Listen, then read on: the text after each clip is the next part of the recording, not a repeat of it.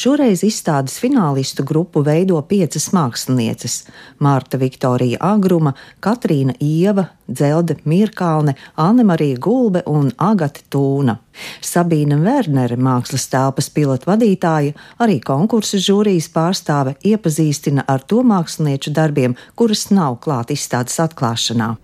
Varot eksperimentālās mākslas telpas pilotu durvis, uzreiz nokļūstam instalācijā. Vispirms jāiziet cauri tumši sarkanam skatuves priekškaram, kas rada asociāciju ar kultūras centra aktu zāli. Ienākot galerijā, jūs sagaidāt tāda instalācija, kas ir Anmarijas gulbes darbs, kas saucās ACT. Tie ir tādi tā kā aizkari priekškars, aizkulis. Mēs nākam no aizkulisēm iekšā izstāžu telpā caur šiem sarkanajiem aizkariem, kuros ir saspraustas mazas kniepa datas.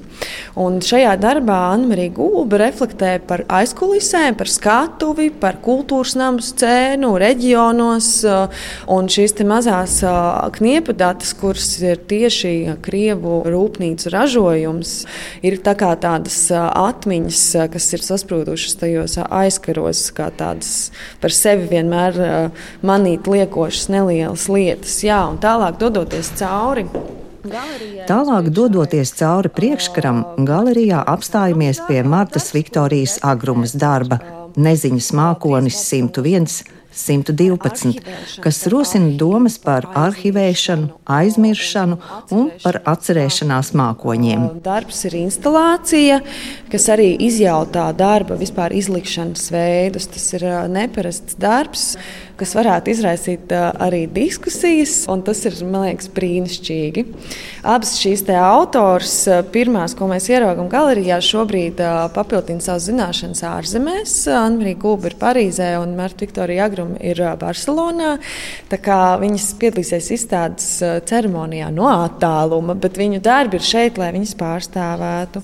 Katrīna Ieva beigusi scenogrāfijas nodaļu un aicina mani apsēsties instalācijā augstās modes un zemās pašapziņas nams.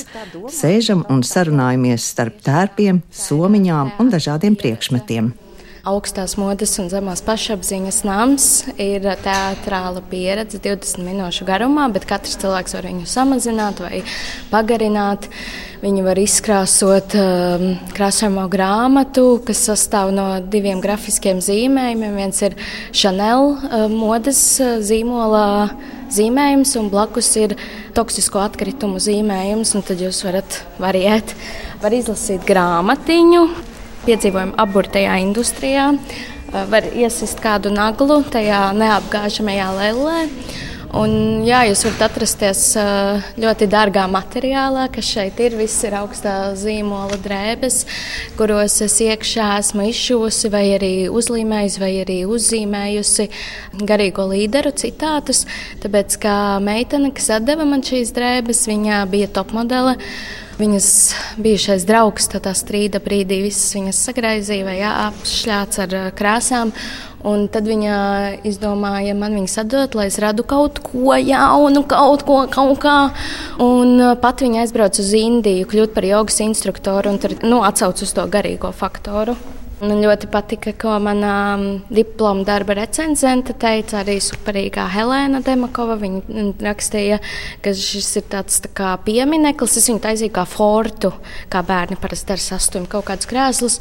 Viņa saka, ka tas ir kā piemineklis. Uh, tam visam cilvēku tam kapitālismam, nu, kas tagad risinās un kas ievedīs nu, mūsu paudzi un vispār nu, mūsu visus cilvēkus tādā ļoti lielā mm, nu, katastrofā, kas ir tā klimata krīze. Mēs esam pieraduši laiku pirkt, pirkt, pirkt, varbūt ir vienkārši nu, jāizlasa kāds garīgā līdera citāts. Tā sajūta pēc augstskolas ir tāda nedroša. Protams, jā, ļoti, ļoti bailīgi. Bet, uh, Nu, ja var to nedarīt, to var nedarīt, bet, ja to nevar nedarīt, un tu gribi mainīt pasauli, tad ir jāmaina pasaule. Agate Tūna beigusi maģistra nodaļu posta. Starpdisciplināru programmu un darbā tehnorēks apvieno instalāciju ar fotografiju. Tā no sākuma tā kā varbūt tās nevarētu pateikt, ka tā ir fotografija, bet tā ir. Tas ir eksperimentālās fotografijas tehnika, kas saucas ķimigrammas. Būtībā tā ir fotografija bez kameras. Es paņēmu fotopapīru, gaismas jūtīgo un gleznoju ar tām pašām ķīmijām, ar kurām attīstīju filmu. Un tad būtībā gleznojot tos visus savus rēgus ārā. Un man saveidojās milzīga kaudze un kolekcija ar šiem zīmējumiem, kuriem es ļoti ilgi nezināju, ko īsti darīt. Un, tad būtībā viņi palika par tādiem kādiem atgriezumiem un tādām atpalikām. Tā. Un ieskanējot, viņus sapratu, ka var izveidot pavisam citu jaunu materiālu, izveidot jaunu formu. Un, un jā, parādās kaut kas daudz jaunas, interesantas šķautnes. Tāpēc, ka man bija tā transformācija caur to analogo uz digitālo un tad atkal uz fizisko ārā, tad es gribēju parādīt šo transformāciju, ka kā, ir, nav, ir, nav izgaists tas spoks, viņš parādās un izgaist. Jā, man interesēja vairāk par to, kā mēs kā, atstājam savus uh, nospiedumus uh, digitālajā, virtuālajā vidē. Tad es domāju par šo varētu nosaukt arī par kaut kādiem atkritumiem, kas ir vienkārši entie ēpasti un piezīmes un nezinu, neaktīvi sociālo mediju konti. Un, un, un tādā garā, un tas arī beigās izveidos par tādu milzīgu rēgu mājokli. un process, kad jūs esat uh, iegūst maģistra grādu un tas tālākais ceļš ir droši skaidrs zināms. Um, jā, ir uh, izstādes, kas plānojas jau nākamgad. Un, uh, jā, bet viss notiek. Un nākamgad Erasmus praksē es dodos uz Barcelonu. Un, tā, posts ir ļoti labi mūs sagatavojis, uh, kā mums tālāk rīkoties pēc absolvēšanas. Jā.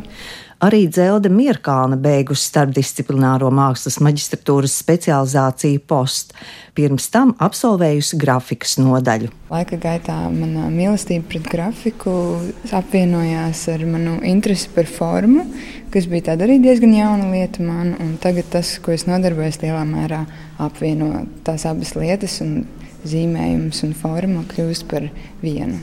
Darba nosaukums ir Low-Key Catastrophe Funride, jeb latviskāk būtu viegli katastrofiskais jautru brauciens. Lielā mērā tas darbs īsumā ir par dzīvi, ka tu zini, ka viņa beigsies. Jo man patīk vispār kaut kā apspēlēt un papētīt mirstības apzināšanās ietekmi uz pasaules redzējumu. Nevis caur tādu, ka tas ir kaut kas slikts, nevis caur negatīvo, bet iespējams tieši pētīt, kā tas mūs uh, mudina, varbūt tieši dzīvot spilgtāk un tiekties pēc kaut kādiem emocionāliem saviņojumiem, lai ko tas katram nozīmētu. Bet jā, es tieši šim darbam izmantoju šo attrakcijas pārku, tā teikt. Es iedvesmojos arī pati no sava brauciena ar ģimeni uz Disneylandu. Man patika redzēt apkārt to kā tādu absurdu butaforiju, bet te pašā laikā tādu patieso jautrību un, un vēlmi cilvēkiem piedzīvot kaut kādas tādas asākas sajūtas, bet te pašā laikā kaut kas sirsnīgs tajā visā arī ir. Jā, darbs ir radīts uh, skaliola, jeb štukmarmora tehnikā. Tā ir marmora imitācijas tehnika, kas populāra bija 17. gadsimta Itālijā. Un es lielā mērā tehniski viņu daru gandrīz tāpat kā tad. Un es izmantoju šo tehniku, jo man ļoti patīk tas uh, apvienojums, ka tas it kā cenšas būt kaut kas, kas tas īstenībā nav, bet te pašā laikā dod to sajūtu, ka varbūt tas ir.